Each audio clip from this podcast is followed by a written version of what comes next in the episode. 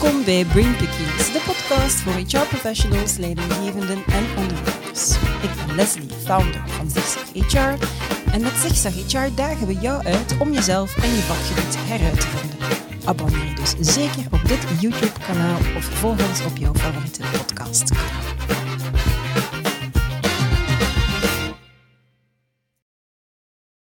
HR en leadership, dat is het thema van deze aflevering van Brainpickings.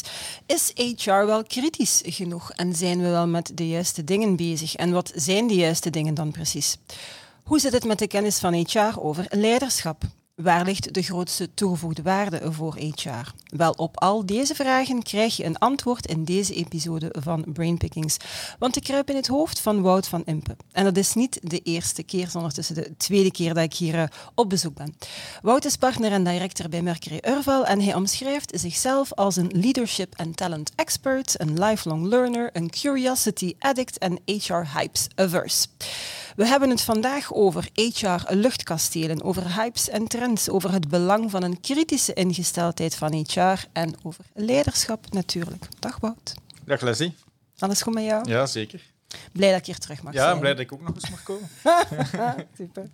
Goed, we zitten weer op onze vertrouwde plek in uh, The Gradient in uh, Brussel. Heel fijne locatie. Centrum van Brussel en toch groen. Ik vind het eigenlijk fantastisch. Echt fenomenaal. Dus uh, mooie luxe toch. Sta je, sta je daar nog zelf bij stil? Nee, je wordt het ook gewoon, maar je ziet het toch ja. iedere dag. Maar je ziet het toch? Oké, okay, ja. dat is belangrijk. Goed. Wout, van een, um, een HR-director verwachten we dat uh, hij of zij collega directors coacht op leiderschap. Dat veronderstelt een diepgaande kennis over leiderschap. En wat ik me dan afvraag is, heeft HR vandaag die kennis over leiderschap? En als dat niet het geval zou zijn, hoe kunnen ze dan best die kennis verwerven? Ja, dus ik vind in het algemeen dat, het, dat HR wat onvoldoende kennis heeft over het echte diepe begrijpen van wat leiderschap is. En, mm -hmm. en het, is, het is vaak een, een, een wat theoretische kennis. Um, en ik denk dat als, als HR daar veel meer inzichten zou bij hebben, hè, want de inzichten in comp en ben, payroll en zo verder, die zijn allemaal die zijn heel goed gekend. Dat draait goed, die processen draaien over het algemeen, mm -hmm. uh, algemeen wel goed. Uh, dan denk ik dat ook de, de impact van HR uh, sterk zou kunnen okay. vergroten. En, en het gaat vooral over inzicht. Wat maakt dat een, een goede leider een goede leider is? Wat, wat leren leiders? Wat zijn inzichten die leiders in de loop van hun carrière opgedaan hebben? En dan kom ik eigenlijk direct al tot het volgende punt. Hoe zou, het, hoe zou HR die inzichten wat kunnen vergroten? Mm -hmm. Ik denk door gewoon meer met leiders te spreken. HR spreekt vandaag veel met leiders, maar dan gaat ja. het dan over uh, projecten of dat gaat over, over processen die dan aan het lopen zijn, mm. dat gaat over de business. Maar meer interviews doen met hun eigen leiders in de organisatie, buiten de leiders. Hoe kijken zij naar leiders? Wat hebben ja. zij geleerd aan cours de route? Wat zijn de inzichten die ze nu hebben over leiderschap ten opzichte van 10, 20, 5 jaar geleden? Mm -hmm. Dergelijke soort interviews, naast uiteraard het lezen van artikels en boeken, kan allemaal helpen. Maar ik denk dat het een van de gemakkelijkste manieren om daar gevoel meer te krijgen, ja. is veel meer met leiders over leiderschap spreken. In gesprek gaan. Ja, ja absoluut. Ja. Oké. Okay. Binnen de eigen organisatie dan, of in het algemeen? Binnen de eigen organisatie, maar zeker ook buiten mm -hmm. de organisatie. Mm -hmm. Omdat leiderschap binnen de eigen organisatie is niet het of de leiders. Leiderschap is heel veel afhankelijk van de context en de gewenste ja. resultaten. Dus een leider in de ene context kan een zeer goede leider zijn, maar een zeer slechte leider in een andere mm -hmm. context en omgekeerd. Zo de idee dat er maar één vorm van leiderschap bepaalt, waar de allemaal moeten achterhaal hollen, mm -hmm. en dat het ideaalbeeld is van elke leider, dat, dat klopt niet. Dat is ook nee. een van de grote HR-mythes. Uiteraard zijn er heel wat basic skills die in leiderschap allemaal aan bod mm -hmm. komen, maar er zijn zeer... Allee, ik ken cases genoeg vanuit de praktijk waarbij leiders in een bepaalde grote, complexe context zeer, allee, echt wel collateral damage hadden, echt niet de juiste ja. mens op de juiste plaats, en in een volgende rol in een heel andere setting en context zeer succesvol zijn. Ja. Wil dat dan zeggen dat daarom die leider in deze case die ik nu het achterover heb, de meest juiste impact heeft op, op de mens? Nee, maar voor die context was dat de juiste man mm -hmm. op de juiste plaats. Dus mm -hmm. leiderschap is, is... De link tussen leiderschap en persoonlijkheid mm -hmm. is veel kleiner dan velen denken. Komt ook uit wetenschappelijk ja, onderzoek. Ja, dus ja. vooral de context die bepaalt wat een goed leider Wat een goed leider Absoluut. is. Een heel belangrijk en al meteen bij de eerste vraag. Oké, dankjewel. Ehm ja, dan de HR-directors die uit de business komen, dat zijn echte game changers, zeg. Ja, dat bouwt een beetje verder op wat je inderdaad net zelf aan. Ze, ze moeten meer eh, met die leiders gaan, gaan praten. Meer nog, ah, je gaat nog een stapje verder. Elke HR-manager zou eigenlijk verplicht moeten worden om een paar jaar als business manager aan het werk te gaan. Kan je dat dan toelichten? Wil dat dan zeggen bijvoorbeeld dat een, een, een HR-directeur die gewoon doorgegroeid is binnen HR, dat dat per definitie geen gamechanger kan zijn, dat dat geen goed leider kan zijn? Wat, wat, zit, wat zit daar nog in? Nee, abs- absoluut, absoluut niet. Hè. Er Mhm. zijn zeer sterke, zeer goede, inspirerende HR-manager directors die alleen maar binnen HR, HR, hebben gewerkt. Wat ik wel merk, dat is in de... En ook hier weer, hè, dat is niet wetenschappelijk gefundeerd, dat is gewoon observatie na 15 Mhm. jaar in de sector te, zi- te zitten, dat het aantal HR-managers dat van de business komt, Mhm. dat daar het aantal procentueel wat groter is, Ja. waarvan je zegt van kijk, dat zijn nu echte goede managers dan Ja. iedereen die doorgroeit. En dat komt gewoon omdat je referentiekader veel breder Ja. is. HR-managers die uit de business komen, die bepaald met een business management rol hebben ingevuld, ik, ik ervaar daar vaak dat die soms wel wat pragmatischer zijn. Nu nogmaals, hè, dit wil niet zeggen dat HR-managers die dat niet hebben, dat traject niet hebben gelopen, dat die niet pragmatisch zijn. Ik zeg alleen dat dat de kans op pragmatisme Mhm. en het begrip van wat leiderschap is en, en, en hoe dat je op HR en al zijn facetten op een pragmatische manier kan implementeren, uitrollen en dergelijke meer, dat, die, dat daar toch een verrijking vaak is. Ook het, ook het begrijpen van, van de value change in een organisatie, het, het, het in het hoofd kruipen van een CEO, Mhm. begrijpen wat daar speelt. Als je uit de business komt, is dat wat makkelijker. Het helpt ook als, als dergelijke HR-managers veel meer gaan bevragen. Oké, wat is nu de toegevoegde waarde van HR? Wat verwacht Ja. jij van mij? Wat vind Mhm. jij ballast? Ja. En waarom doen ze dingen en dergelijke meer? En ik ga gewoon één voorbeeld geven van in het hoofd kruipen. Dat is een heel recente case van een aantal weken geleden. Een groot global company. De CEO vraagt aan HR, bedrijf 20.000 man, zit in 15 landen. Tegen het einde van het jaar wil ik een nieuw performance management systeem. En ik wil eigenlijk een systeem waarbij je met forced ranking, dat wil zeggen dat iedereen in een Gauss-curve gezet wordt van kijk, Mhm. Ehm wij willen gewoon, was in de groei, was in de minder groei. En je kunt maar één, op tien mensen, iedereen krijgt één plaatsje, dat we echt gedwingt u om te zeggen wat er goed is en minder goed. Ja. HR ziet dat, ziet dat minder goed zitten, ziet dat misschien ook als bedreigend, weet ik, weet, weet ik veel. Maar in ieder geval, daar is een dynamiek van HR, is daar wat wij grachtig tegen, Mhm. om zeer begrijpbare redenen, omdat dat commotie kan veroorzaken, de cultuur laat dat niet toe en dergelijke meer. Dus wat doet HR? Wij adviseren negatief. Ehm, maar wat is nu, waar, wat is nu het, het, het, probleem daarbij? Dat wellicht die CEO, die denkt van kijk, ik zit hier met een HR-populatie van bijvoorbeeld 100 mensen, eh, een, een leadership-populatie Mhm. van 100 mensen, en ik vind dat die naar performance-driven, naar high-performing cultuur niet sterk genoeg Mhm. zijn en dat we eigenlijk te lief zijn voor elkaar. Ja. Dus met andere woorden was de verborgen agenda van de CEO, verborgen agenda van de CEO Wel is niet dat performance ja. management, maar zijn leiderschapsteam Mhm. challengen. Mhm. Dat is een heel goed voorbeeld van hoe je als HR toegevoegde waarde kunt spelen. Begrijp wat die CEO bedoelt. Ga naar die CEO van, kijk, is dat uw echt probleem? Hoe Mhm. kunnen we dat aanpakken in plaats van eigenlijk mee te gaan met die flow? Maak met uw CEO dezelfde agenda. Maar dan moet HR natuurlijk begrijpen wat er in het Ja. hoofd van die CEO zit. Ja. Wat is die bezorgdheid van die CEO? Mhm. En misschien is dat performance management systeem niet het juiste, de juiste methodiek. Daar kan je zeker over discussiëren. Dus ik heb daar alle Mhm. begrip voor wat HR daarover denkt. Ehm, maar wat is nu de echte pijn van die CEO? En maak partner met die CEO. En dat kan zijn dat die CEO zegt, we gaan dat op een andere manier doen. En dat is wat ik soms wat mist. Echt in Ja. het hoofd kruipen van die, Ja. van die CEO. Mhm. Ik omschrijf dat ook een stukje als ja, een beetje wat meer business acumen gaan, gaan, gaan Mhm. verwerven en weten Ja. wat, wat, hoe een organisatie draait, hoe een organisatie... Ja, ook, ook het financial aspect zit er eigenlijk Absoluut, in. Je hebt zowel business als financial acumen dan. Ehm, dus ik hoor jou zeggen, ja, meer interesse, meer luisteren in het hoofd kruipen van de Mhm. business, van die CEO, doorvragen, kijken van wat is het probleem. Zijn er nog ehm, zaken wat HR dan kan doen om meer business acumen te gaan verwerven? Ehm, heb je daar nog tips? Ik denk, denk de belangrijkste wat ik al gezegd heb, dat is met heel veel mensen spreken. Ja. Dat is in zo'n rollen, in zo'n Ja. rollen gaan zitten. Zitten eigenlijk. Ja. En, en, en gaan bevragen. En ik denk bevragen, het is geen rocket science. Het is gaan bevragen, het is op de vloer lopen. En heel veel HR-managers doen dat ook. Hè. Mhm. En ook veel meer dan vroeger. Je ziet vandaag Ja, een beetje ja. dezelfde evolutie als wat je in, de, in finance hebt van een controller die, die vroeger vooral achter zijn bureau zit. Dat is Mhm. wel cliché, zwart-wit, maar zo was het ook. Terwijl nu wat zijn de goede financial controllers, dat zijn degenen die weten wat er op de vloer speelt. En die zitten meer niet op een bureau Ja. dan wel op een bureau. Want hoe kan je nu... Je kan niet alleen van Excel weten waar dat er geld bespaard kan worden en, en waar, worden de, waar gaan de geldstromen Mhm. naartoe en dergelijke meer. Bij HR zie je ook al langer die evolutie, heel die evolutie van HR-manager naar HR-VP's. Dus dat is, het is, dat is al langere tijd aan de gang. Maar ik denk dat we daar zeker nog... En ik zie in de praktijk de HR-directors, managers die dat veel meer doen, dat die ook veel meer impact hebben. Ja, ja, dat die veel meer is. En, en ik merk hier eigenlijk een stukje wat we in, eh, waar we het in de vorige podcast zelfs over gehad. Daar zit ook een stukje curiosity Absoluut. uiteindelijk in. Hè? Ook een oprechte nieuwsgierigheid en belangstelling in Ab- absoluut, Ja. en dat, dat zie je ook als je met, met HR-managers spreekt. Bij senior managers daar, daar komt dat allemaal goed. Als je vraagt wat is Mhm. een EBITDA, een omzet en dergelijke meer, waar wordt geld mee verdiend, die weten dat. Mhm. Maar op dat middelniveau van HR-BP's of zelfs HR-managers van KMO's val ik nog vaak van mijn stoel als ze gewoon al de, de basic financiële KPI's vraagt, dat ze het gewoon niet weten. Ja, als je niet weet waar dat uw baas van wakker ligt, hoe kun je hem dan helpen in zijn ondernemingen of haar ondernemingen beter te maken?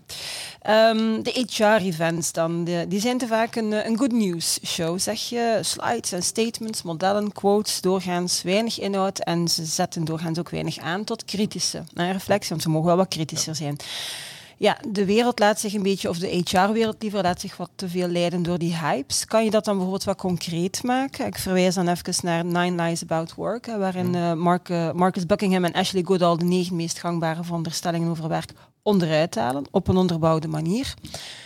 Als jij een boek zou schrijven, Wout, wat zijn dan bijvoorbeeld de drie meest gangbare HR-overtuigingen, of vijf, of mogen er 27 zijn als je dat wilt, die jij graag onderuit zou Ja, willen halen? Ik, ik, wil er, ik wil er zeker een aantal noemen, maar ik wil eerst even wat, wat, wat mij altijd verbaast in die HR-events. Ik noem het, en, en excuseer mij voor het woord.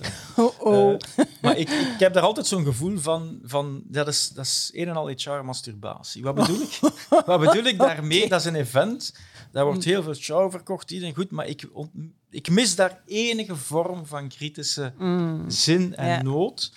Ehm, waar er kritisch gekeken, wat loopt goed, wat loopt minder goed, wat kunnen we beter doen? Wat hebben we als HR... Ik heb nog geen enkel event gekeken waar dat er gesproken wordt over wat hebben wij nu als HR misgedaan en wat hebben we Ja. daar nu uit geleerd. Hè? Want Zo. in elke sector... Of het nu, Brengt mij op ideeën trouwens. ja, voilà, Ja. dat is misschien niet goed voor een, een volgende podcast. Wat hebben wij als HR absoluut, mis, mis, ja. misgedaan? Hè? Ehm, dus dat stimuleren. En dat komt misschien een beetje bij, bij, bij beroepsmisvorming, is niet, maar ik heb zelf geschiedenis gedaan. En dan, ja, je wordt gedrild in het, het kritisch in vraag stellen. Mhm. Waarom zegt iemand wat? Wat is de agenda? Zo dat schroom voor debat. Men is zo lief voor elkaar. Er is zo'n zo'n Ah. grote terughoudendheid. Ja. Ehm, om, om wat kritische dingen in vraag te stellen. Want ik ben er ook verzekerd van, als HR dat meer gaat doen, gaan we als HR meer impact hebben en gaan we ook sneller groeien, gaan we ook sneller Ja. weten wat, de dingen, Ja, ja. wat werkt, wat niet werkt. Dus het is zo, ik vind HR nog wel braaf. Hè?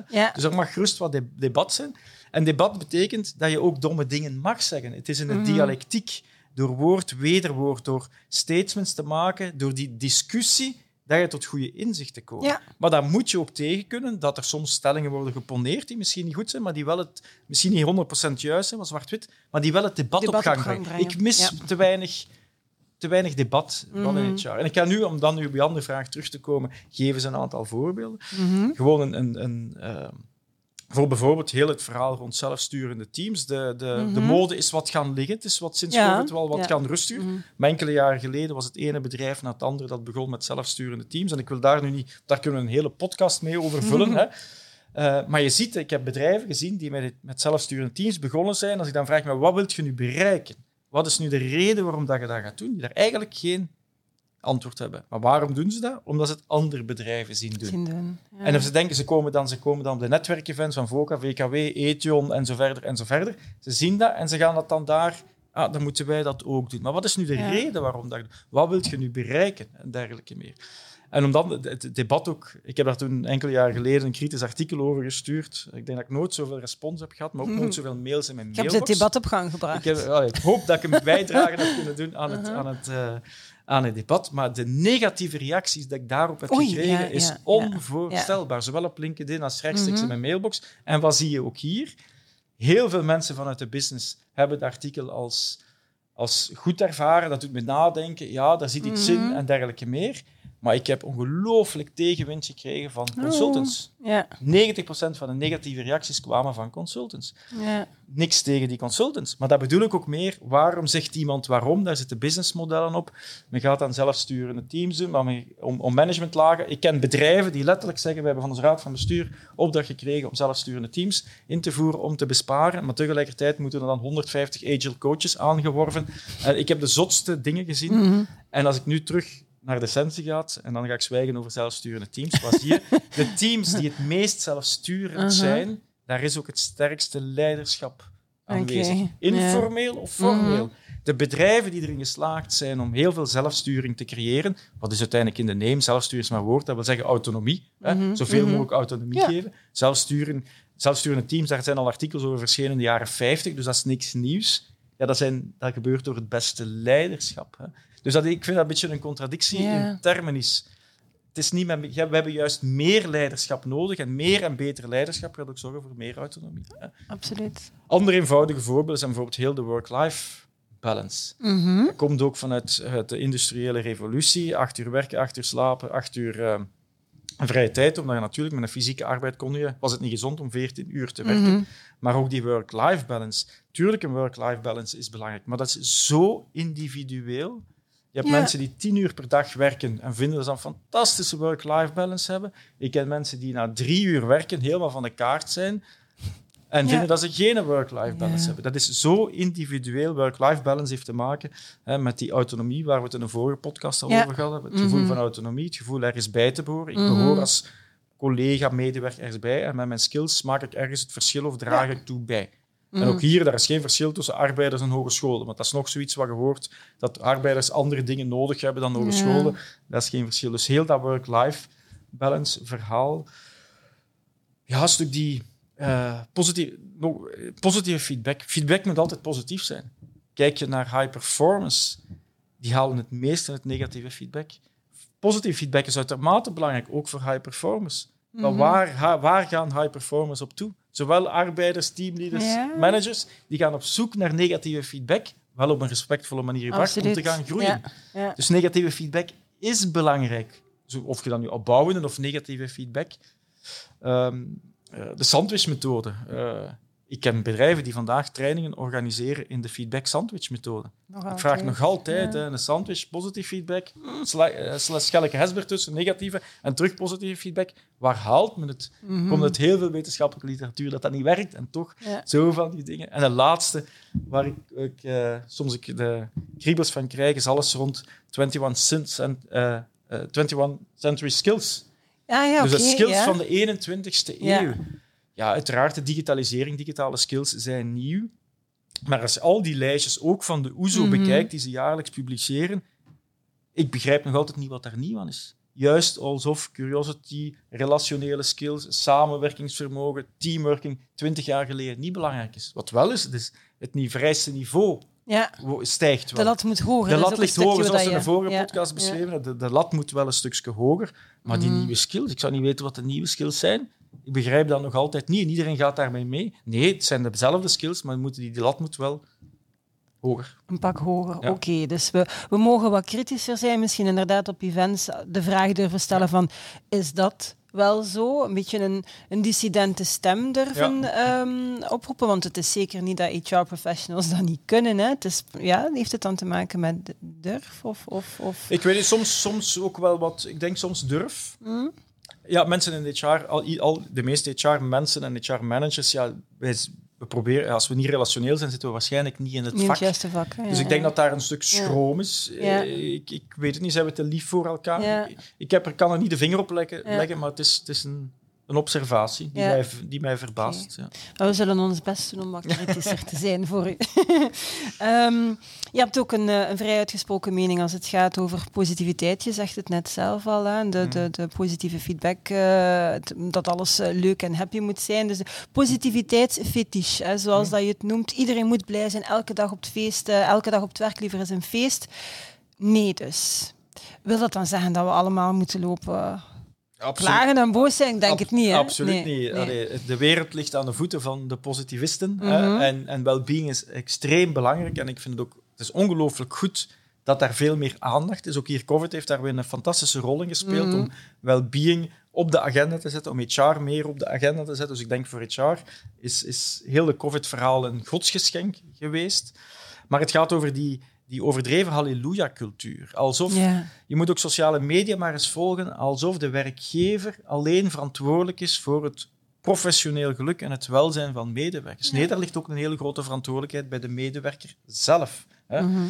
Ehm, en dat is iets wat weinig HR-managers durven zeggen. Welzijn is belangrijk, ja. Mhm. Maar het is veel breder dan dat. Ik ken vandaag organisaties die verzuipen in de well-being cultuur het is een combinatie van well-being, performance. Het, is, gaat weer al over evenwicht, de balans. Durf ook benoemen dat mensen ook zelf verantwoordelijk zijn. Want de druk die vandaag op leidinggevende, ik leg de lat ook heel hoog voor leidinggevende, mm maar de druk die vandaag op leidinggevende gelegd wordt, onderschat dan niet. Hè. Ja.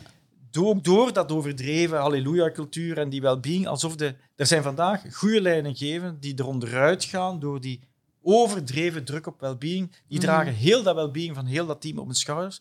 Maar zij zijn daar niet helemaal verantwoordelijkheid. Mhm. Dus ik zou van HR ook, daar kan gerust wat meer support komen en ondersteuning voor mensen in een leidinggevende rol. Ja. Uh, want er, er, wordt heel veel druk nu gelegd op die leidinggevende. Mm. Absoluut. En dat impliceert dan weer dat ze effectief beter begrijpen wat dat dan inhoudt en daarvoor moeten ze dan effectief gaan praten. Oké. We het ons eens hebben over de HR-processen dan en policies die al jaren en dag uitgewerkt worden. Er is geen enkel proces, zeg je, dat leadership fundamenteel heeft verbeterd. Wil dat dan zeggen dat we geen processen nodig hebben? Ik denk dat ik het antwoord op die vraag al ken, wat internet ook over zelfsturende teams bijvoorbeeld. Maar hoe ga je dan controleren, als ik dat woord mag gebruiken, dat mensen er de kantjes niet van aflopen? Ja, verschillende dingen. Dus om uw eerste vraag te antwoorden, ik denk inderdaad niet, als je nu kijkt naar heel die evaluatie en, en functioneringsgesprekken, uh, systemen en processen die, die, die er al twintig jaar zijn. En die laatste tien jaar wordt dat wat in vraag gesteld. Mhm. Maar ik herinner me tien jaar geleden dat ik me een roepende in de woestijn voelde van kijk, dit proces werkt niet. Hè. Mhm. Het is niet omdat je zo'n proces implementeert dat je leiders beter worden. Mhm. dat ik noem dat de illusie van HR. En ik ben zeer blij, de laatste drie, vier jaar heeft dit jaar dat, dat begrepen. dus we hebben daar echt weer een stap vooruit gezet een, een, een functioneringsproces met al die, die meetings maakt geen betere leider. Dat wil niet zeggen dat dat processen niet zijn. Mm -hmm. moet, moet managers helpen, faciliteren, kader hebben, om dat te vergemakkelijken, om dat bewustzijn in die organisatie te vergroten. Maar dat zal van een middelmatige managers geen een betere manager maken. Um, tweede is die, die die heel veel processen in HR zijn vandaag gebaseerd op degene die er kantjes van aflopen. Mhm. Ik geloof rotsvast dat dat niet werkt. Mhm. Want je ziet eh, hoe, hoe heel, in heel veel processen, HR-processen in bedrijven, wie zijn daar de groot, wie is daar het meest door gefrustreerd?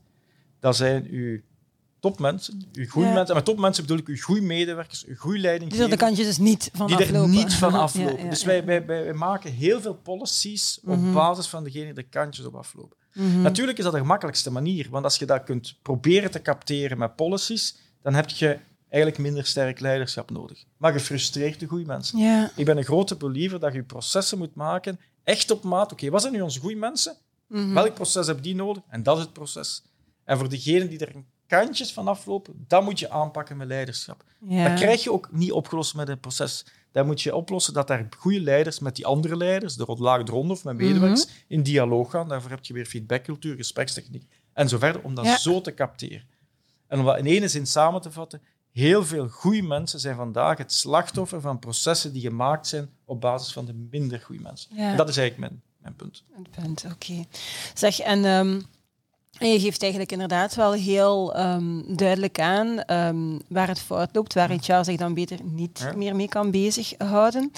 wat is dan, je hebt ook wel al een aantal aanzetten gegeven in deze podcast, maar waar ligt dan de allergrootste toegevoegde waarde hè, uh, voor HR? Waar, waar moet HR volgens jou echt wel fundamenteel veel meer gaan, gaan op inzetten vandaag? Ja. Uiteraard, er zijn heel veel dingen. Hè. Eh, ik zou het anders formuleren. Ik denk, waar kan HR nog een grotere toegevoegde waarde spelen? Want als HR mhm. de comp en ben en payroll en lonen betalen niet doet, dan valt de rest ook aan elkaar. Ja, ja, dus, dus, ik ga zeker niet beweren dat, dat, er, dat dit topic nu het belangrijkste is. Ik denk wel dat HR een grotere rol kan spelen in, in consistentie in wat leiderschap betekent voor een mhm. organisatie. Als je vandaag in heel veel directie- of managementteams komt en je vraagt, wat zijn nu goede mensen? Dan zie je dat Jos de ene manager vindt Jos een topper en de andere manager vindt Jos geen topper.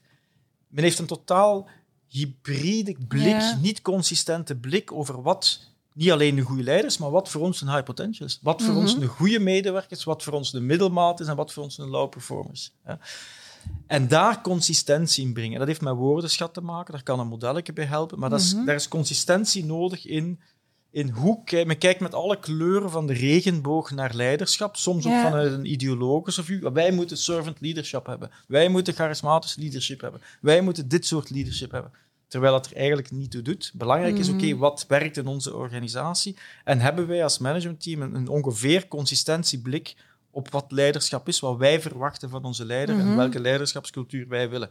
En ik denk dat, leider, dat, dat, dat HR-manager veel meer in kunnen faciliteren. En dan kom ik op twee skills die ik denk, of drie skills die zeer belangrijk zijn voor HR-managers. Mhm. Het begrijpen van wat leiderschap is, dat goed begrijpen van wat dat is, dat rolbewustzijn, hè, waar we het al over gehad hebben, is twee faciliterende skills. Ik vind dat een goede HR-manager moet workshops kunnen faciliteren. Ja. Je moet dat kunnen doen om, om ook dat uit een directie te krijgen. Dus faciliterende skills vind ik heel belangrijk voor een mhm. HR-director. En ten derde is sales skills. En dat klinkt misschien vreemd, maar je moet als HR stuk je projecten, wat je doet, ook aan, niet alleen breed in de organisatie, maar ook in je directieteam kunnen verkopen, kunnen enthousiasme maken. Want leadership, dat is, dat is al niet zo tastbaar. Mhm. Dus je moet mensen enthousiast maken voor ontwikkeling. Dus ik mis soms bij HR-manager, directors, gewoon sales skills. Ja. Sales skills intern dat te brengen. En ook hier weer, dan kijken we weer naar, naar zeer krachtige, sterke, goede HR-directors en managers ja, die zijn er die... Dat zijn salesmensen, hè, maar salesmensen niet op een negatieve manier. Het gaat er niet mhm. over deur-op-deur verkoop. Dat gaat over mensen enthousiasmeren van uw agenda, wat dat jij belangrijk vindt. Mhm. En ik vind dat ook, ook als ik HR, mijn managers vanuit Executive Search moet selecteren, dat zijn competenties die voor mij een, een basic zijn. Hè. Sales skills intern om uw projecten te kunnen verkopen. Oké. Ja, het is eigenlijk bijzonder, ik, hoorde er zelf ook naar verwijzen, dat er toch een, een, negatieve connotatie hangt aan dat woord sales. Voor mij is sales, ja, je hebt inderdaad de deur-aan-deur verkopers en zij die u verleiden om iets te kopen dat je eigenlijk niet nodig hebt. Dat is gewoon een zeer goede marketeer die u daar warm gemaakt heeft, denk ik dan. Maar sales is voor mij ook, als gelijk dat je dat beschrijft, mensen in beweging brengen, overtuigen, meenemen in een verhaal, in een... In een, in een ja, een, een model, een, een, doel, een resultaat dat, dat je heel visueel kan, kan voorstellen. Dus ik volg dat wel 100%. Dus meer sales skills. Aanzetten om dat te leren voor HR-professionals? Opnieuw gaan praten dan met salesmensen uit het bedrijf? Of, of, of wat, wat kan je daar nog adviseren? Dat vind ik een, een moeilijke.